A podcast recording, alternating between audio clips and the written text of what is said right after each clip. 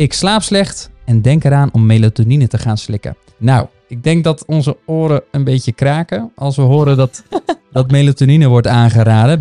Bizar, dan heb je dus 30 keer meer melatonine in je lichaam dan wat je normaal zou moeten hebben. En dan wordt het nog erger. Nou, ik word er bijna zenuwachtig van. Maar ook in heel veel potjes kon het tot 500% meer zijn. Je zou toch denken dat daar een autoriteitenwet of, of, of een commissie voor is die dat in de gaten houdt, toch? Je, je zou het hopen. Welkom bij de Mentale Spreekkamer. Dit is de podcast waarin we jouw psychologische vraagstukken en mentale gezondheid bespreken. Want juist in deze tijd is het nodig om jouw mentale gezondheid serieus te nemen. Elke week nemen we je mee in boeiende gesprekken over veel voorkomende psychologische klachten. Hierdoor leer je jezelf beter kennen, ook krijg je daarbij waardevolle adviezen die normaal verborgen blijven achter de spreekkamerdeur. Mijn naam is Chris, huisarts in Spee, en naast mij zit weer Aisha, neurowetenschapper, afgestudeerd in Cambridge en psycholoog. In deze aflevering duiken we dieper in het onderwerp melatonine. We krijgen hier heel veel vragen over. En we gaan het vandaag hebben over bijvoorbeeld wat melatonine doet, of melatonine slecht is, ehm, wat de bijwerkingen ervan zijn en of je dat nou gewoon moet doen of gewoon niet. En deze week hebben we natuurlijk ook weer een vraag gekregen van een van onze luisteraars en die luidt als volgt. Ik slaap slecht en denk eraan om melatonine te gaan slikken, omdat dat werkt bij een vriendin. Wat raden jullie aan? Nou, ik denk dat onze oren een beetje kraken als we horen dat, dat melatonine wordt aangeraden bij, ja, niet specifieke doelgroep, dus in het algemeen. Want soms wordt melatonine ook aangeraden, maar dat is Zeker. alleen bij specifieke gevallen. Daar gaan we het denk ik ook over hebben. Maar laten we beginnen met, wat is melatonine? Ehm, melatonine is een lichaams-eigen hormoon. En normaliter wordt die dus geproduceerd door je lichaam op het moment dat het donker wordt. Dus vaak wordt het eh, het slaaphormoon genoemd. Misschien zijn we daar zelf ook af en toe schuldig aan. Maar technisch gezien is het het hormoon van de duisternis. Zo. Ehm, dus je kan je voorstellen, vroeger in de, nou, laten we zeggen, de jagers- en verzamelaarstijd, de oertijd. Stel je voor dat om zes uur de zon onderging, als je lekker in de tropen woonde. Dan, eh, nou, dan begint je lichaam eigenlijk rond een uurtje of acht, negen, begint die melatonine af te geven. En dat is dus ook een signaal voor jouw brein van, hé, hey, volgens mij is het tijd om te gaan slapen. Ja, dus het is eigenlijk een soort van eh, inleider, om het even zo te noemen. Ja, ik weet niet wat je met een inleider bedoelt. Ja, gewoon, want, want ik kan me heel goed voorstellen dat heel veel mensen denken bij melatonine, hey, ik slik melatonine, ik word suf, ik verdoof mezelf als het ware en ik val in slaap. Maar dat is het eigenlijk niet. Het kan een licht versuffend effect hebben, maar het is vooral gewoon echt meer een signaaltje van dat het tijd is om te gaan slapen. Maar echt het daadwerkelijk in slaap vallen, dat is een, nou, over het algemeen toch een automatisch proces en ook andere hersengebieden zijn daarbij betrokken.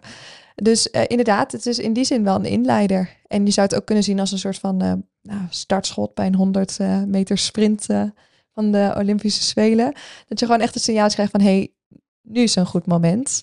Um, maar de, uh, ons lichaam is best wel complex en ons brein ook. Dus het is ook niet dat alleen melatonine genoeg is om in slaap te vallen.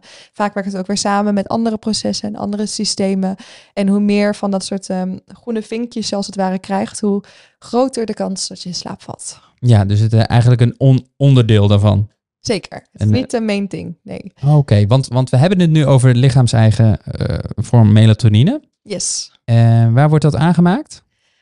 Um, nou, het wordt aange... Nee, wil je de lange of de korte versie? Doe maar de, de versie die nog begrijpbaar is voor de luisteraars. Want ik, ja, je kan er natuurlijk heel diep op ingaan als neurowetenschapper. Maar laten we het een beetje behapbaar houden. Zeg maar. Ja, oké. Okay, nou.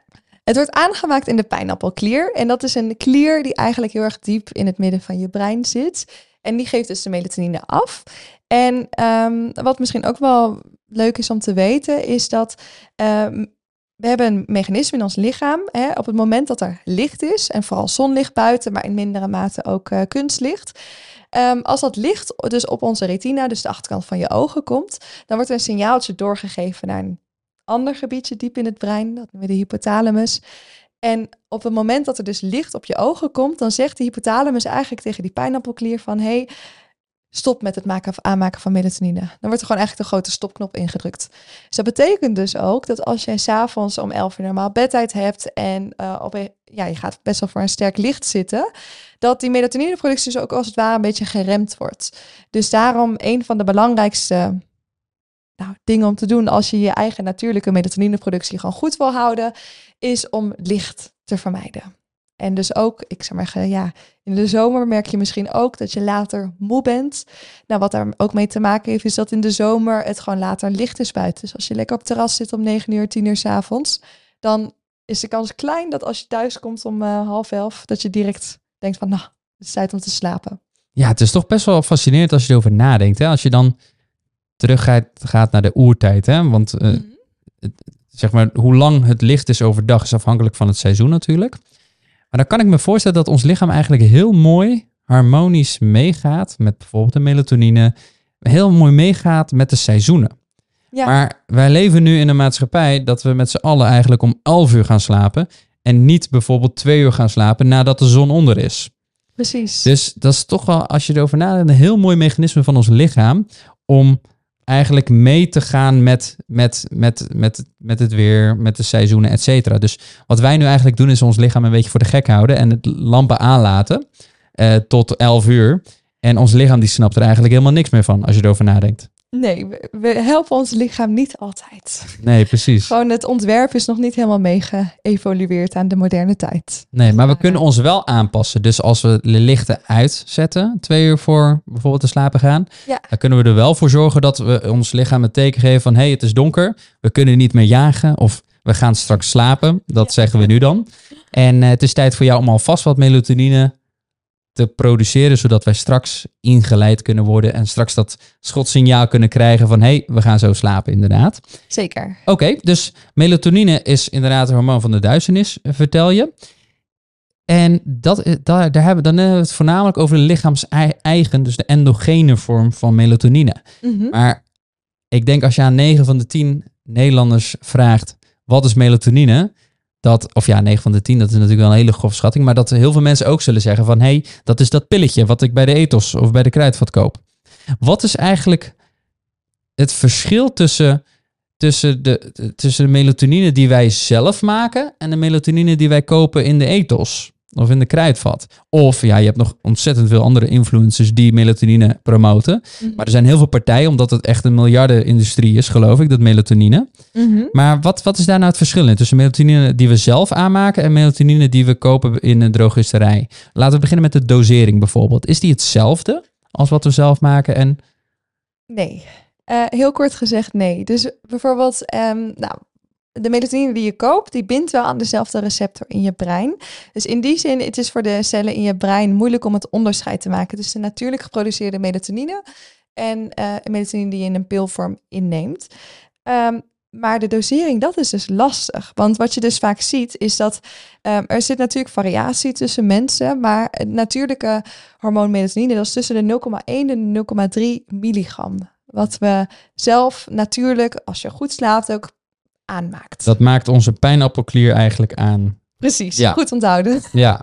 En, um, nou, en op het moment dat je dus melatonine in de supermarkt haalt, of ja, in de, in de drogist als het ware haalt, dan zie je toch dat de meest verkochte doseringen, dat ligt een beetje tussen de 3 milligram, 5 milligram of 10 milligram. Dat is keer 10 van wat wij normaal. Dus minimaal. Dus ja, hangt er vanaf inderdaad hoeveel je zelf ook aanmaakt, maar keer 10 en in sommige pechgevallen, dus zelfs misschien zelfs keer, keer 50.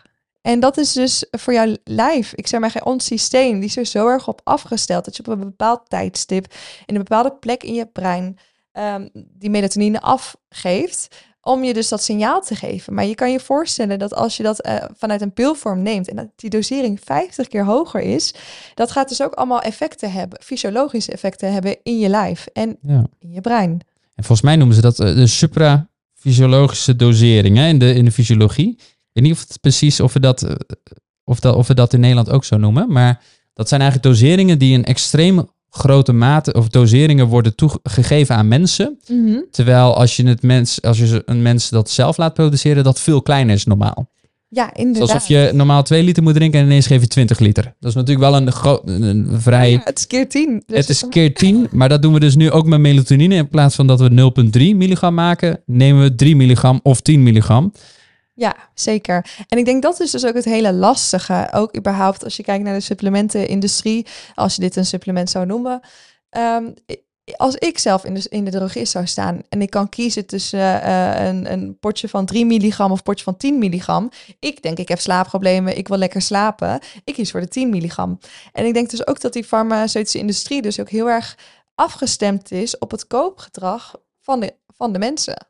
Is bizar. Dan heb je dus 30 keer meer melatonine Ja, in je lichaam dan wat je normaal zou moeten hebben. en dan wordt het nog erger. Vertel. Nou, ik word er bijna zenuwachtig van. Maar ehm, wat dus ook blijkt, er zijn dus ook onderzoeken geweest. En volgens mij een stuk of 19 of 20 verschillende melatonine merken hebben ze getest. En daar hebben ze dus gekeken of, ik zeg maar, het tablet, eh, wat je dus inneemt, of dat overeenkomt met de dosering die op het potje staat. En ze zagen zulke enorme verschillen, dat soms was het dus 80% minder. Nou, in dat geval dus niet zo'n ramp, omdat je sowieso minder aanmaakt. Maar ook in heel veel potjes kon het tot 500% meer zijn. Je zou toch denken dat daar een autoriteitenwet of, of, of een commissie voor is die dat in de gaten houdt, toch? Je, je zou het hopen. Ja, En maar dat is dus niet zo. Nou, kijk, melatonine, en dat is misschien ook wel goed om te zeggen, kijk, het is wel in die zin een veilige stof. Dus het is niet in de zin van dat als jij een, ehm, nou, het is niet um, lethal. Ja, dat, je Ja, gaat er niet dood van, het als het ja. ware, als je er veel van inneemt. Dus ik denk dat dat gewoon eh, belangrijk is. Eh, dat, dat, dat, dat autoriteiten zich daar ook erg op focussen. Van, hey, als je een overdosis neemt, is het dan gevaarlijk in de zin van dat je organen afsterven of dat je doodgaat. En dat is niet zo. Nee. Ehm, maar het is natuurlijk niet de bedoeling dat het zo'n hoge Ja. dosis is. Bizar man, dat je dan keer 30 dosering. Ja, wat best wel een interessante fun fact. Ik, ik weet even niet waar ik dat vandaan heb, of ik het ergens gelezen heb of niet. Maar er was dus een wetenschapper die per ongeluk een hamster veel te veel melatonine had gegeven. Volgens mij ook een keer 50 of keer 100 dosering. Oh. En het bleek dus dat de teelbal van die hamster, dus van een amandel. Dus als ik kijk, als voor de mensen die niet op de video kijken, amandel is denk ik 2 centimeter groot, denk ik Ja. om en nabij, dat die eigenlijk kromp tot een rijstkorrel. En nu wil ik zeker niet mensen thuis bang maken die melatonine nemen en dan in een suprafysiologische dosering melatonine nemen. Ik wil jullie zeker niet bang maken dat jullie tilballen veel kleiner worden.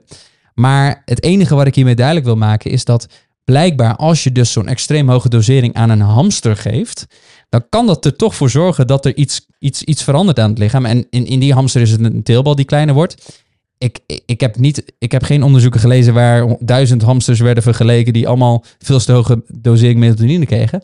Maar het laat denk ik wel zien dat wij als mensen wel het serieus moeten nemen. Dat we niet zomaar een keer honderd dosering van iets moeten nemen. Ja. En dat dat mogelijk consequenties heeft. Nogmaals, dit is niet onderzocht bij mensen.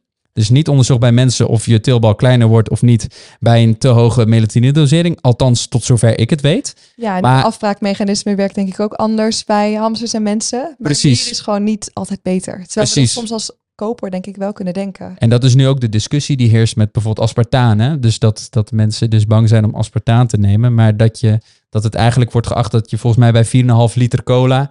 vanaf, vanaf die, die, die hoeveelheid dan pas een soort van mogelijk schadelijk effect kunt ondervinden. Maar Ja. goed, dat is een, dat, daar, daar kunnen we denk ik nog een aantal podcasts aan toewijden. En laten we, laten we ons daar buiten houden. Maar of, dus, dus terugkomend op de vraag, is melatonine slecht? Ehm, nou, kijk, ik denk ook niet dat we eh, het in die zin moeten dramatiseren. Want inderdaad, de dosis die je dus krijgt via een tablet, dat is een dosis die je normaal nooit zou innemen of aanmaken. En wat dus ook lastig is, is dat het gebruik ook niet altijd even goed is. Dus eh, wat ik al zei, in de oertijd, normaal dan twee uur nadat het donker is, dan maak je dus de melatonine aan. Maar wat je dus ook vaak ziet, is dat mensen bijvoorbeeld tijdens het tandenpoetsen zo'n hoge dosis innemen.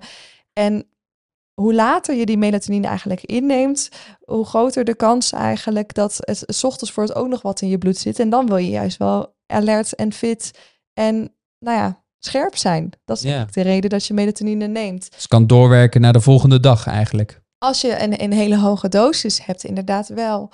Ehm, dus dat is inderdaad ook wel belangrijk. Om dan uh, het beste tijdstip, ik geloof dat het iets van drie of vier uur voor het slapen gaan.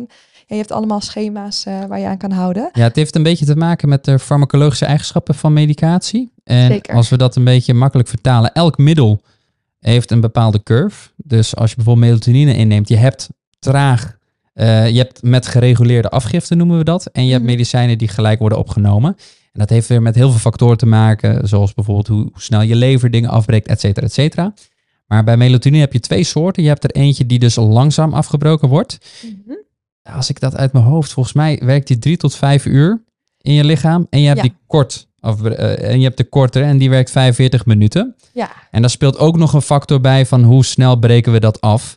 En de ene middel heeft in vier uur, daar, in, bij de ene middel heeft je lichaam vier uur de tijd nodig om de helft van het middel uit je lichaam te filteren. Mhm. Bij het andere middel heeft dat ongeveer drie kwartier, 50 minuten nodig om de helft van het middel af te breken in je lichaam. Dus dat is daar ook afhankelijk van. Maar ik vraag me af of gemiddelde persoon die melatonine koopt, kijkt of het een met gereguleerde afgifte melatonine is of een snel opneembare melatonine. Dus daar gaat denk ik wel heel vaak, daar gaan dingen wel heel vaak mis, denk ik. Qua timing, op wat jij zegt, denk ik, hè? Zeker. En ik denk als stel je voor dat je de normale dosering hebt, stel je een tabletje zou hebben van 0,3 milligram, die ook daadwerkelijk 0,3 milligram is, of 0,1.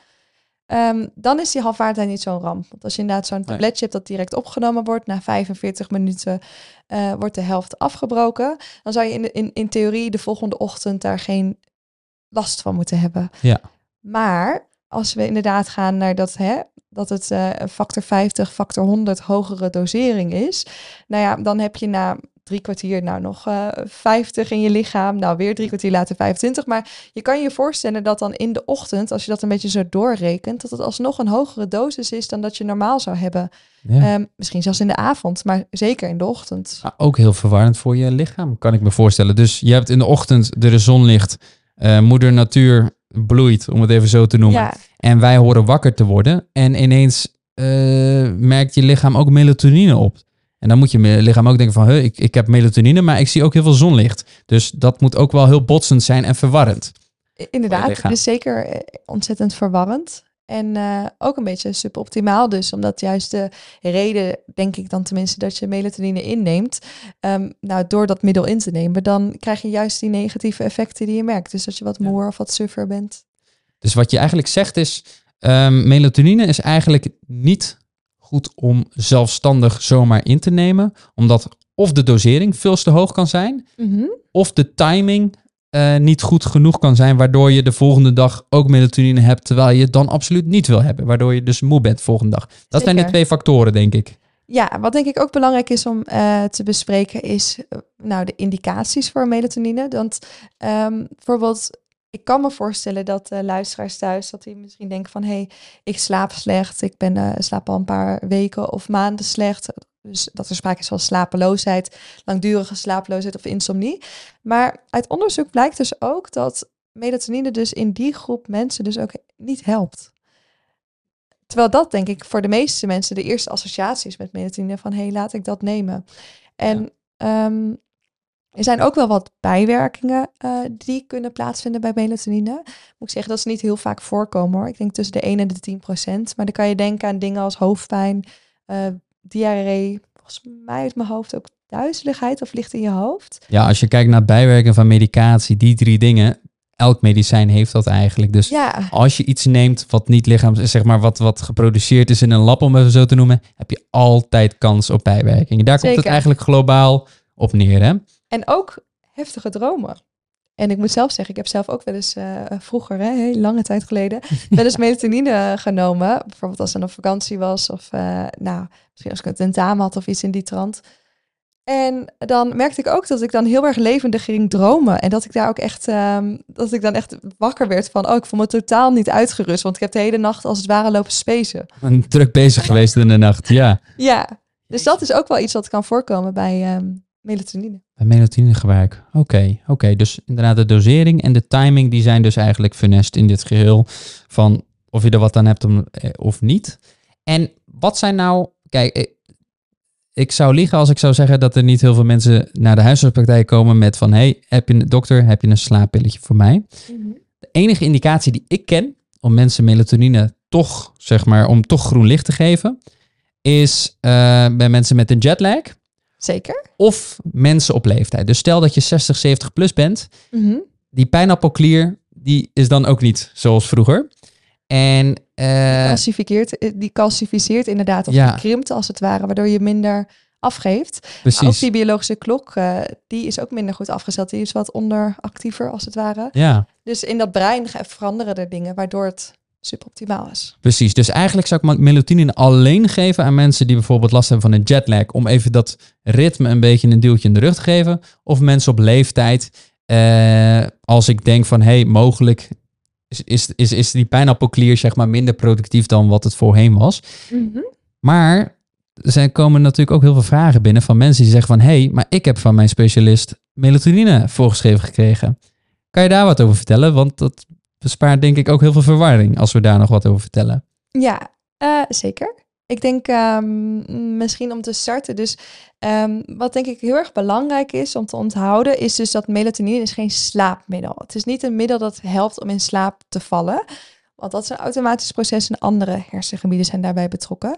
Maar je zou het het best kunnen zien als een soort van biologisch klokmiddel. Een chronobioticum. Maar Oh, oké. nou, misschien moeten we dat even erin maar editen. Wat ik, eh, wat ik daarmee bedoel, is dat het, het, dus het, je kan het het best zien als een soort van, eh, als het signaal van je brein niet goed genoeg is dat het een tijd is om te gaan slapen, dan kan je melatonine gebruiken om dat dus beter af te stemmen. Zoals inderdaad bij een jetlag.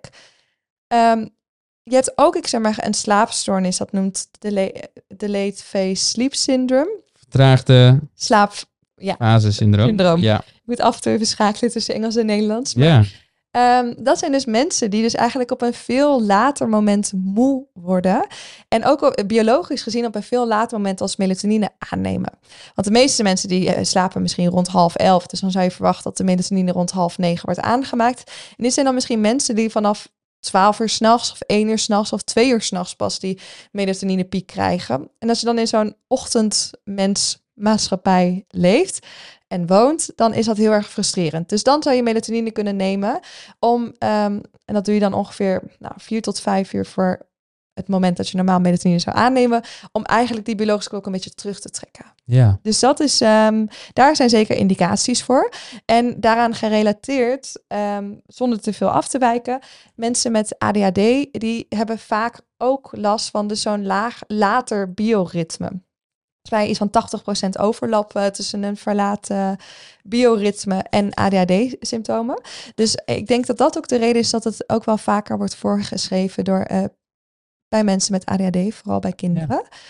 Ehm, dat zijn indicaties. Nou, bij, over, als je het hebt over autisme spectrumstoornis, bij kinderen wordt het wel vaker voorgeschreven, maar bij volwassenen is het eigenlijk nog niet helemaal duidelijk wat de evidentie is. En Ja. Ja, het is ook wel heel diepgaand natuurlijk weer. Ja. Ik, denk, ik denk dat we het ook een beetje moeten richten. Kijk, als we de specifieke gevallen kunnen we altijd natuurlijk belichten in een andere podcast. Ja. En nu gaat het meer om natuurlijk de vraag van... hey, of melatonine, of dat een aanrader is of niet. Waar ik zelf even benieuwd naar ben... dat is namelijk een vraag die ik wel geregeld... eh, of ja, een stelling eigenlijk die ik geregeld ge- hoor of terugkrijg... is van, hey, ik slik melatonine en bij mij werkt het wel. Eh, ik ben even benieuwd, wat is de wetenschap... wat zegt de wetenschap over het effect van melatonine? Zijn er bepaalde... Eh, kan je dat ergens aan vastkoppelen hoeveel minuten je langer slaapt of, of sneller in slaap valt of je minder wakker wordt? Weet je, weet, weet je daar wat van? Ehm, ja. nou, ik denk dat het belangrijk is, zeker als we het over onderzoek hebben. Je hebt heel veel verschillende soorten onderzoeken. En het kan soms best wel een beetje een, een speld in de hooiberg eh, Ja. zijn. Ehm, dus wat ik vaak doe bij dit soort, eh, als, als ik dit soort dingen wil weten, is ik kijk naar meta-analyses. En dat is dus eigenlijk een onderzoek die een stuk of twintig onderzoeken bij elkaar gooit, om dan eenduidige conclusie te trekken als je al die informatie samenneemt Ja. heb je ook allemaal eh, technieken voor. En Ja. wat daar dus uitkwam, als ik het me goed herinner, is dat de tijd die het kost om sneller in slaap te vallen, Mhm. was volgens mij afgerond ongeveer vier minuten. En de tijd dat je efficiënter slaapt, want wij vanuit de slaapwetenschap kijk je vaak ook naar slaapefficiëntie. Dus hey, van de uren die je in bed ligt, hoeveel uur daarvan slaap je daadwerkelijk? Mhm. En die slaapefficiëntie die steeg eh, rond de 2%, 2, 2, 2,2. Dus ja. Dus, dus eigenlijk de hoeveelheid uren die je daadwerkelijk in bed slaapt, gedeeld door de hoeveelheid uren die je in bed ligt. Ja, Stel dat jij, la- laten we even heel globaal, stel je ligt 10 uur in bed en je slaapt 8 uur daarvan, dan heb je 80%. precies. Dus stel dat je melatonine neemt, dan krijg je dus van die 8 uur krijg je 2,2% erbovenop. Ja, Eh dat, ja, ik kan dat ben nu even... vijf minuten eerder uit bed met dezelfde slaapkwaliteit. Het is vooral maat voor slaapkwaliteit eh, dan inderdaad. Ja, oh, maar dat is eigenlijk niks. Ook wat je zegt, hè. Dus, dus, dus vier minuten bespaart het je, als je melatonine slikt, bespaart het je vier minuten qua tijd om in te slapen. Dat is wat, je, wat er uit die meta-analyse kwam. Ja. Dat is helemaal niks. Nee, dus in, in die zin zou je dus hè, bij gezonde mensen of bij mensen met slaapproblemen, eh, en dan bedoel ik de slapeloosheid, ehm, zou je het niet aanbevelen, omdat het dus eigenlijk nou, klinisch gezien dus niet zo relevant is. Ehm, nou is dat natuurlijk ook best wel een negatief perspectief en ik Kijk, je kan natuurlijk niet een uitspraak doen over individuen. Dus ik zou bijvoorbeeld nooit kunnen zeggen van hè, als jij denkt van hé, hey, het werkt supergoed bij mij, ik vind het fijn, ik heb minder slaapangst, ik kan lekker in slaap vallen, dan zou ik je daar nooit om afvallen of zeggen van hé, hey, dat moet je absoluut niet doen. Ja. Ehm, dus er kunnen individuele variaties in zitten. Maar het is ehm, ja, in die zin dus niet echt een juiste aanname dat melatonine je echt ontzettend gaat helpen. Ja. Ik zou er altijd even goed over nadenken. En ook voor jezelf dan de voor- en de nadelen af te wegen. Van hé, hey, oké, het helpt niet echt. Misschien heb ik het gevoel dat het wat helpt. Hè? Wat we ook wel het placebo-effect noemen. Maar het helpt minimaal. En je kan er toch ook wel negatieve effecten van hebben. Misschien ben jij iemand die het moeilijk afbreekt, waardoor het in de volgende ochtend doorwerkt. Ehm, ja, en, en misschien heb je wat bijwerkingen ervan. Uh, Ja. Misschien heb je dus inderdaad die hele hoge dosering waar je misschien last van hebt. ja. Dus dat zijn allemaal wel, denk ik, afwegingen om te maken voor jezelf. Dus als jij thuis zit en aan het luisteren bent en denkt van hé, hey, ik slik al jarenlang melatonine. Nou, hetgene wat je ermee wint is dus vier minuten tijd die je dus sneller in slaap valt. En dus een verbetering van je slaapefficiëntie van 2%, wat eigenlijk inhoudt is dat je ook enkele minuten sneller slaapt. Maar that's it. Zeker gezien wel, ja. Oké. Nou, ik hoop niet dat het te rauw op, op, op, op je dak komt vallen, zeg maar, als je melatonine slikt. Ja, Wat moeten mensen wel doen? Want we hebben dus een vraag gekregen van... hey, een vriendin heeft me aangeraden om melatonine te slikken... omdat ik slaapproblemen heb. Wat zou je wel aanraden? Ehm, nou, wat je dus eigenlijk ziet bij slaapproblemen is dat je eigenlijk veel beter moet gaan kijken van hé, hey, waar komen die eigenlijk vandaan? En waar, en welke knoppen kan ik als het ware draaien om beter te gaan slapen? Dus een van de, zeker als je al lang, langer tijd last hebt van slaapproblemen, dus een beetje de chronische slapeloosheid, ehm, dan werkt cognitieve gedragstherapie het beste. En dat is super effectief. Het werkt bij 80 tot 90 procent van de mensen. Het is een relatief korte therapie, dus dat is ook altijd wel gunstig. En dan ga je dus heel erg kijken inderdaad van hey, welke factoren die houden mijn slaapproblemen in stand. Zijn dat nou externe dingen, zoals bijvoorbeeld dat het te warm is in je slaapkamer of dat er veel geluid is of um, nou, dat je een hectisch gezinsleven hebt. Of zijn dat meer interne factoren? Dus dat je voor het bepaalde piekergedachten hebt, dat je negatief denkt, dat je je brein als het ware verkeerd hebt getraind om te slapen. En dat ga je dan als het ware samen uh, uitzoeken en evalueren. Dus dat is um, wat zeker helpt. Ja. Um, en niet te vergeten de slaaphygiëne. Ja, dus de, huis, de huistuin- en keukentips die kan je ook heel makkelijk op uh, ja. internet vinden. Geen alcohol, geen koffie, niet blowen. Maar uiteindelijk, laten we eerlijk zijn, heel veel mensen kennen die algemene adviezen. En heel veel mensen passen die algemene adviezen toe. Maar eindstand zeggen ze ook heel vaak, het werkt voor mij niet. Nee. Maar dan zeg je dus, dan zou je eigenlijk meer de cognitieve gedragstherapie route op willen gaan. En dat zijn die instandhoudende factoren van je, van je slaapproblemen. Die pak je dan eigenlijk aan als psycholoog zijnde. Zeker. Daar ligt eigenlijk de oplossing voor langdurige slaapproblemen. Dat is wat je nu zegt, toch? Zeker. En mijn ervaring is ook wel dat, hè, dat mensen uh, niet echt gewend zijn om dan alles tegelijkertijd aan te pakken. Dat is ook best wel lastig en best wel pittig. En dat juist de combinatie van verschillende technieken en tactieken, die kan het grootste effect hebben op je slaap. Ja. Dus als je bijvoorbeeld bij wijze van spreken um, heel veel koffie drinkt en je denkt, nou ik ga minder koffie drinken om te kijken of het werkt, maar je piekert nog steeds en je ja. drinkt nog steeds alcohol 's avonds, je hebt geen rustmomenten overdag, dan, dan, dan kan je ook niet verwachten dat je slaapproblemen daarmee opgelost zijn. Ja, oké. Okay, nou, dus voor die anonieme luisteraar dan, als jij thuis zit en denkt van ik heb ja. heel veel slaapproblemen en je vriendin gaf je het advies om melatonine te slikken en daarmee drie minuten inslaaptijd te besparen. Wij raden je aan om niet melatonine in te slikken. Wij raden je aan om de slaaphygiëne tips eigenlijk op orde te hebben en dus die cognitieve gedragstherapie toe te passen. En daarvoor hebben we ook een speciaal programma opgestart, namelijk onze masterclass over slaap, waarin je eigenlijk in 45 minuten leert hoe je zo'n cognitieve gedragstherapie op jezelf kunt uiten, hoe je dat op jezelf kunt toepassen. En het is helemaal gratis, dus kijk vooral naar die masterclass op onze website www.christenijsja.nl. En ik denk dat dat een hele goede start is om jouw slaapproblemen aan te pakken. En mocht dat dan om wat voor reden dan ook toch niet helpen, dan zijn er altijd nog opties en kun je altijd contact met ons opnemen wat een volgende beste stap is. Ik denk dat Zeker. dat voor de luisteraar thuis die slaapproblemen heeft eigenlijk eh, de beste route is die je kunt bewandelen. En eh, ja, het is helemaal gratis. Dus dat is mooi. Nou, ook lekker toch? Ja, oké. Ik denk dat we ook moeten afronden, want als ik zo kijk naar de klok, eh, lopen we zoals altijd ook weer uit. Ehm, de tip van de week. Wat zullen we meegeven? Geen melatonine nemen? Oké, nou oké. Ja, bespaar die drie minuten. eh, ja, ja, melatonine beter niet, liever niet. Ehm, hebben we nog een andere tip van de week? Ik zit ook eventjes na te denken. Ehm, nou, wat dus ook wel interessant is, is dat ehm, we hebben het vaak over dat je je lichten moet dimmen in de avond, om dus die melatonineproductie een beetje op gang te krijgen. Maar als je dus overdag voldoende zonlicht krijgt, en in die zin dat het contrast tussen dag en nacht dus zo groot mogelijk is, dan is dat een extra booster voor je eigen natuurlijke melatonineproductie. Dus dat kunnen we ze ook aanbevelen, om lekker 's ochtends ehm, nou, een kwartier, of in ieder geval een kwartier tot drie kwartier daglicht buiten, ook al is het winter, ook al is het zomer, ga naar buiten. Want Ja. dit gaat je ook ontzettend helpen. Oké. Ja, en het is denk ik ook eh, om even aan te vullen. Ehm, we denken van licht, dat een lichteenheid is uitgedrukt in lux. En het blijkt dus ook als het buiten bewolkt is en je naar buiten gaat, dat de lux van buiten veel hoger is dan als je binnen zit met je lamp aan. Dus zorg er echt voor dat je dus natuurlijk licht van buiten oppakt. En ook al schijnt de zon niet. Dus ga lekker met de fiets naar je werk toe of, eh, of loop, loop een extra ommetje om. Of ga in je pauze lekker een wandeling maken. Want licht van buiten is veel sterker dan licht van binnen. Ja, koop desnoods een hond, want dan moet je. Oh, nou. maar goed, als je een hond koopt, dan komt er ook nog heel veel ander gedoe bij. Dus eh, daar heb ik ook weer ervaring mee. Ja, tip van het jaar, laten we dat eh, zo noemen. Dan zijn we aangekomen bij het eind. Ik denk het ook. Dankjewel voor het luisteren naar onze podcast. En Aisha, jij ook natuurlijk bedankt voor dat je er wekelijks bij wilt zitten. En eh, wil je geen waardevolle inzichten missen en ook geen praktische tips missen? Vergeet dan niet om te abonneren op ons kanaal. En mocht je slaapproblemen hebben, kijk dan vooral op onze website www.christenaisha.nl voor de gratis masterclass. En dan eh, wil ik je nogmaals bedanken voor het luisteren. En eh, dan zien we je volgende week weer. Tot volgende week. Oké, dag.